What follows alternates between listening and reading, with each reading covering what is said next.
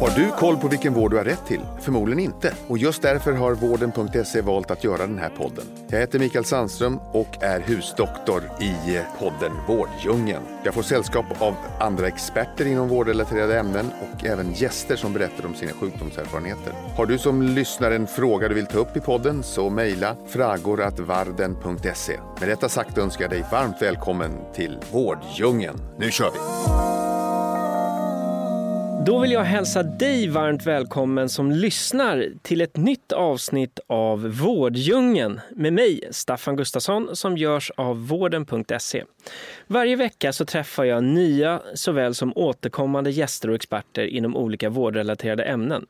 Och idag så ska vi prata om kroppens största organ, nämligen huden. Och vi kommer gå in eh, lite närmare på hudsjukdomen psoriasis. Och med mig i studion så har jag ett kärt ansikte, nämligen vår alldeles egen husdoktor, doktor Mikael Sandström. Välkommen! Tack så mycket för det.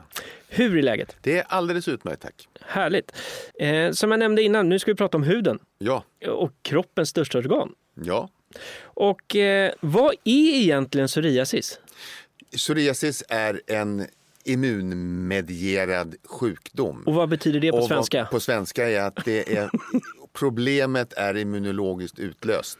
Och vad betyder det på svenska? Nej, förlåt. Det, på svenska betyder det att man får en reaktion som gör att vissa celler presenteras på ett felaktigt sätt som får några andra celler att göra fel och plötsligt så börjar man bygga, skulle man kunna säga nästan, elefanthud. Är det Så- som en liten mutation eller? Nej, mutation är en förändring i, bland generna. Aha. Men det här är, är immunsystemets sätt att eh, eh, reagera på eh, eh oli, olika celler. Så man får en immunologisk reaktion som gör att eh, huden blir tjockare. Okej. Är det här någonting man föds med eller kan det komma när som i livet? Eh, nej, det, kom, det, det, att man, det finns de som föds med det, men Ja. det, det är ovanligt. Men man brukar ju, det brukar ju debutera före 30 års ålder. Eh, s- ganska säkert. Men det, och det finns en ganska stor ärftlig komponent. Men man vet inte, det är väl där igen. Vi pratar om det finns flera faktorer som är utlösande. Vilken är det? Vad är det? Är det yttre eh, saker? Vad är det? Men det brukar det brukar finnas någon sån här triggerfaktorer eh, som kan utlösa det. Till exempel en infektion eh, som sätter igång sjukdomen. Sen finns det flera olika former. Alltså det finns plack, det finns PPP, pustulopalmoplantar. Det blir bara beskrivningar om var de sitter. I, Okej. ha- I handflator, fotsulor eh, och på, vanligt är det på strecksidor. Sen finns det något som heter invers, då sitter det på böjsidor. Allt det här nämner jag för att ingen kan komma ihåg det. Men Nej. det finns en mängd olika former. Det finns eh, en uppsjö till som jag inte nämner då. Men så att det, det ter sig på olika sätt. Mm. Och Men här- gen, genomgående är i alla fall att, att det blir en, en, en förtjockning, det en, en fet yta, stearinliknande, fjällliknande yta. Så att skillnaden i alla de här olika benämningarna det är kort och gott var någonstans på kroppen de sitter. Ungefär, och, och, när, och när och vem som får dem. Ah, okej. eh, så. Men, hur vanligt är det? Eh, ja, det är ganska vanligt. Det är några procent som har det och, och naturligtvis mycket mer det är ojämnt fördelat då med tanke Mm. på hereditet och sådär. Så att eh, det är en av de eh, stora eh, hudsjukdomarna kan man säga. Sen hör det till saken att man har också andra, alltså psoriasis artriter och det är en 20-30, kanske till upp till 40 procent av de personer med psoriasis som får då ledengagemang. Svullna leder, inflammerade leder eh, och sådär. Och även vet man kraft, att det är överrepresenterat eh, med hjärt-kärlsjukdomar till exempel hos psoriasispatienter. Så det där är också det immunsystemet som sätter igång någon, eh, någon inflammation, någon kronisk reaktion som man inte riktigt har koll på varför, men den gör det. Så att vi kan mäta. Så att det, det är en kronisk sjukdom. Men du, du nämnde att det kan triggas av olika infektioner. Kan det till exempel att du har halsfluss och ditt immunförsvar går igång för fullt och efter det så kan det ha triggat psoriasis? Kan det vara Det kan så. Eh, och det kan ju vara sol, det kan vara rökning, det kan vara en psykologisk kris. Jaha, Tidigare har vi berättat om till exempel bältros. just det. Jag själv har haft det Ja, och jag fick det efter min skilsmässa ja. Eh, och jag trodde jag hade loppor och det var smutsigt i sängen och sådär. Tills jag eh, slog i eh, tån i en tröskel och höll på att svimma av för det gjorde så ont. Och det har Mm. med att, att det, det här viruset legat latent Mm. i, eh, eh, på grund av vattkoppor. Då. Mm. Eh, och sen så utlöses det av en, en triggerfaktor, och det är alltså en, en psykisk kris. Då. Mm. Och likaså med det, vilket vittnar om att saker hänger ihop. Nu är vi där igen med immunsystemet, att det aktiveras eller eh, eh, överaktiveras eller underaktiveras beroende på vad vi utsätts från. Så att ett, ett yttre ehm, skäl som, som rökning, sol, infektion, Mm. kris finns många gånger som utlösande faktor.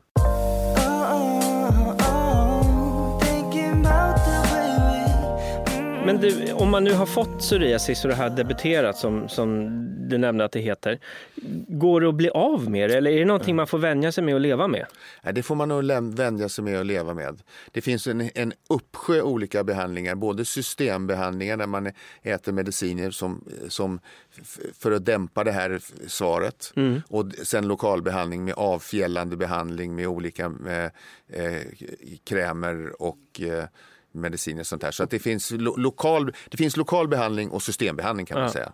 Och krämer, det är mest för att lindra det. Att man tar bort den här, den här tjocka eh, och lösa upp de här hårda Ja. eh, hudförändringarna. Om man får problem och man tror att man bör få, misstänka att man får psoriasis, vad gör man då?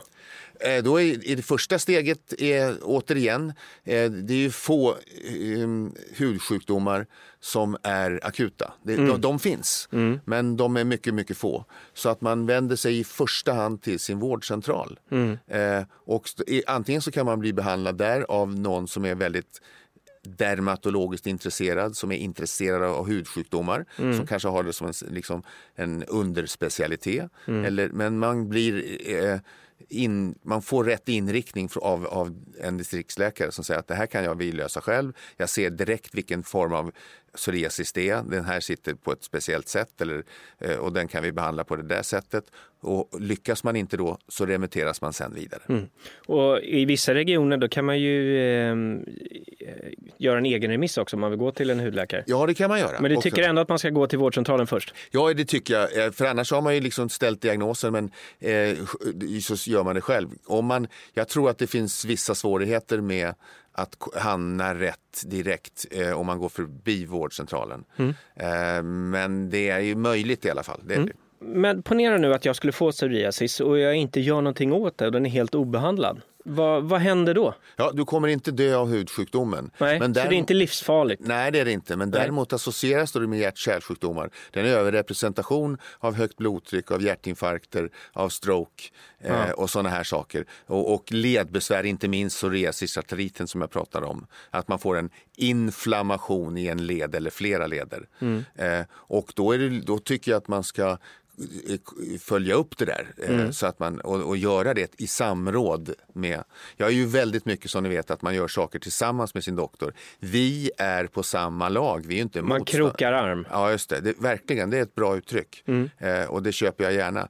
Eh, och sen så gör man någonting tillsammans och så vet man nu är det sämre, nu är det dåligt, nu behöver vi ta extra hjälp utifrån. Det var det där hemliga, ta hjälp igen. Ja, just det. alltså om man ska lära sig spela piano, vill man ha hjälp eller ska man börja på egen hand? Eh, och då blir det det självklart eh, liksom sådär. Så- Och då, det tycker jag. Så att eh, man, man ska inte ställa diagnosen psoriasis själv eller så. Utan, och man, man ska, eh, om det är dessutom en tidig debut så tror jag nog väldigt, väldigt många vill ha hjälp att komma igång med och låter inte det gå. Eh, det, man kan ju ha det i huvudet och man har i hårbotten och sådana här saker. Så att det kan vara känsligt, in, inte bara för barn men även för vuxna. Men om man lämnar det obehandlat, eh, tenderar det växa och bli mer och mer eller? Ja, alltså behandlingen eh, hå- håller det ju i, i någorlunda schack. Ja. Så, att, så det blir svaret ja. Ja. Sen så vi, återigen det där, så att vi, vi har ju pratat om att ja, men det är psoriasis som om man alltid har ställt diagnosen. Jag har skrivit ner några differentialdiagnoser som jag kallar för DD, differentialdiagnoser, eller doktorsdilemma. Vad är det om jag har fel? För det där är någonting som jag också alla kan ha fel. Man måste naturligtvis ta ställning, vara tydlig, tänka. Det här är det tydliga. Om det, om det smakar som ett äpple, ser ut som ett äpple och, och så, så är det väl ett äpple då. Men ibland eh, så, så har man fel. Och då finns det liksom eh, andra hudsjukdomar, pityriasis rosea till exempel, eller som är en hudsjukdom så den ska uteslutas. Det finns svampinfektioner, det finns eksem, nagelsvamp, nagelpsoriasis finns till exempel. Som, Oj, det Jajamän. här har jag ingen aning om. Jajamän. Så att det där, då, då tycker jag att man, jag är väldigt mycket för att man liksom måste, ska inte gå genom livet och, be, och sen ha fel diagnos. Utan det där ska man, och det gör man tillsammans med sin doktor. Men du, nu blir jag nyfiken. Vad är skillnaden på eksem och psoriasis? Eh, eksem, eh, det är att psoriasis är mycket, mycket kraftigare eh, översta hu, eh, hudlager. Eksem är en, en, en ökad känslighet och en försämrad barriärförmåga. De ses ju ofta som ytligare, rödare. Psoriasis är tjock, fjällande, Okej. kraftigt, nästan som elefanthud. Stort tack Mikael. Det var faktiskt de frågorna jag hade om det här ämnet idag. Ja, Så att, eh, stort tack för väldigt intressanta svar på de här frågorna mm, tack. Och eh, till alla ni som lyssnar, självklart gå in på vården.se. Där har vi både vårdcentraler och eh, hudspecialister om man skulle vilja träffa det. Och eh, till och med kan boka en tid redan imorgon.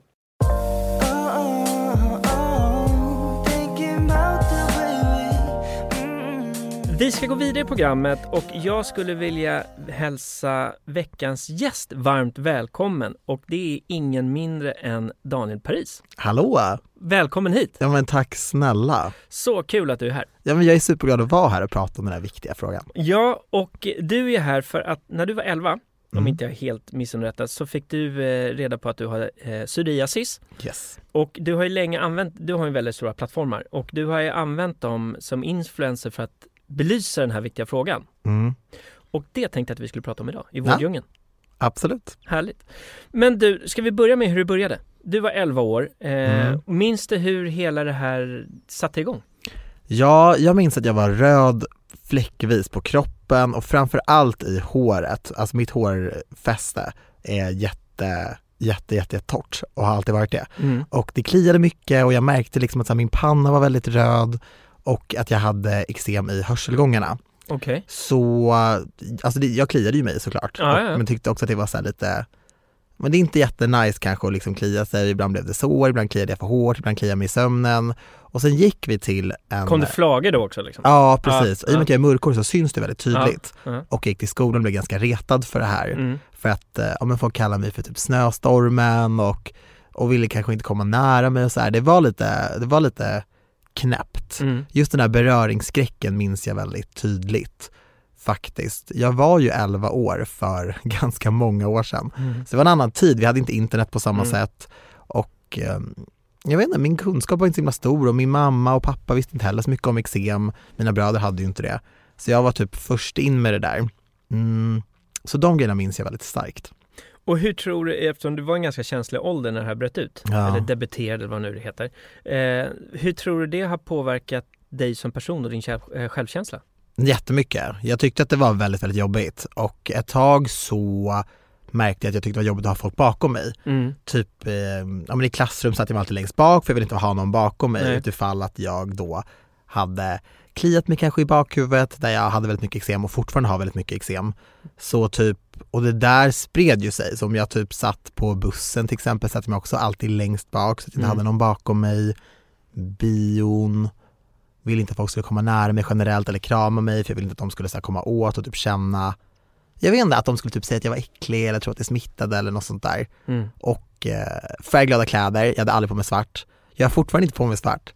Men eh, det är av andra anledningar. Jag tycker färgglada kläder är kul. Men jag, jag hade ju, jag äger, ägde inget svart. Nej. Jag äger fortfarande typ en svart t-shirt och en svart kavaj. Mm. Så, ja men sådana grejer, det blir lite begränsande. Men du, och hur ger sig den här uttryck idag då? För att, hade inte du sagt någonting, för först undrar jag liksom, varför du här? För, jag har inte, för man tänker sig psoriasis att det är ganska påtagligt att man Ja. ser. För jag hade inte sett på dig innan Nej. du kom in här. Nej men dels är jag ju påklädd nu Ja, ja. och så ska det Nej men det förbli. brukar vara så här armbågar Eh, och liksom. Ja nej, men jag har, jag har en stor psoriasisfläck på, på bröstet Ja. som eh, ibland är väldigt, väldigt röd och ibland inte röd alls. Mm. Så just nu är det lite, så här, lite mellanröd Mm. och sen så har jag ju mycket i hårfästet och, eh, och jag har ju, jag, jag duschar när jag kom hit, Mm. tvättar håret och sådär Mm. och det tar väl ungefär, från en tvätt kanske det tar ja men i alla fall en 5-6 timmar innan det blir, typ skulle jag klia mig nu i håret Mm. så skulle jag inte flagna någonting. Okej. För att ja. jag har så här, tvättat rent typ. Ja, ja. Så det är ju som med flagor, man kan tvätta bort dem men det är ytterst tillfälligt. Mhm. Men det, finns det olika saker som triggar att det blir värre? Ja det är det absolut. Va, vad skulle det kunna vara? Dålig sömn blir det värre av, dålig kosthållning, alkohol, stress, dåliga besked i livet, alltså dåliga perioder Mm. gör att det blir värre i allra högsta grad. Och eh, sen så har jag sett ett litet samband mellan eh, jag menar så här, gluten, Okej. att om man äter mycket bröd eller Ja. liksom hamburgare och sådär, att det blir eh, värre. Det blir värre faktiskt. då? Ja, Jaha, intressant. jag, jag tycker mig ändå uppleva det.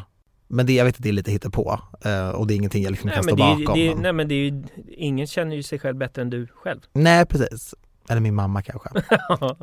Men du, vad gör du för att lindra psoriasisen då?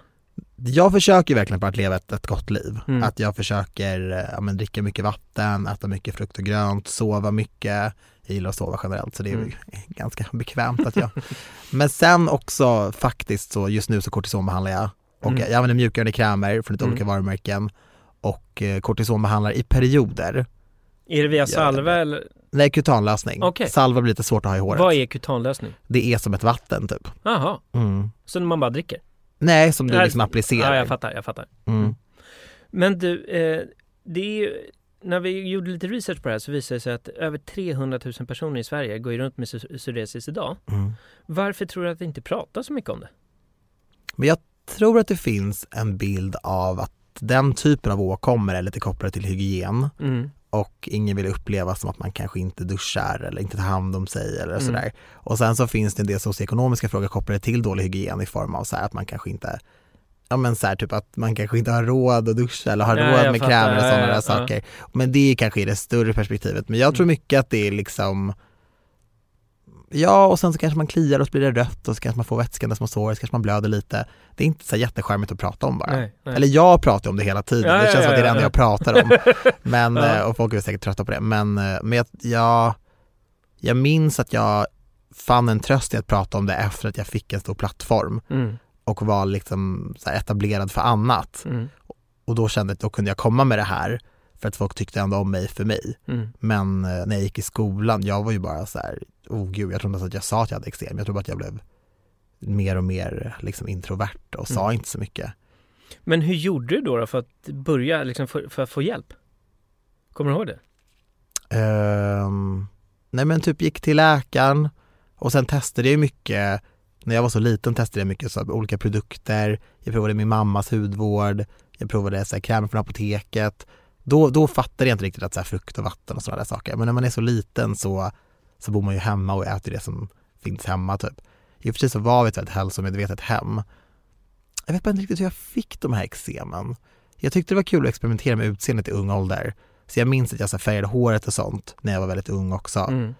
Så um, det kan ju varit sådana saker som liksom triggade det. Mm. Jag vet inte. Det är ju synd att så många skäms över det här, Mm. faktiskt. Skambelagt liksom. Ja, och sen också om man verkligen ska säga hårdare, alltså vi bor ju liksom i ett kallt klimat. I nordiska länder är det väldigt vanligt med eksem och så här. Mm. Vi har ju så här typ noll luftfuktighet och sådana saker. Det påverkar ju faktiskt ganska mycket. Mm. Så uh, man kanske inte ska vara alldeles för hård mot sig själv. Och det är ingenting du har valt själv? Nej exakt, alltså jag bara minns att jag kunde bli helt förkrossad, typ om jag gjorde allting rätt som läkaren sa, använde den där kortisonen och tvättade med så här oparfumerat schampo och bal- balsam och sådär. Och sen så hittade jag liksom minsta lilla efter en sån rutin så blev jag helt förkrossad och bara det funkade inte. Mm. Jag vet inte så här. jag tror att eksem inte riktigt går över helt och fullt utan Nej. mer att man kan så lindra det Mm.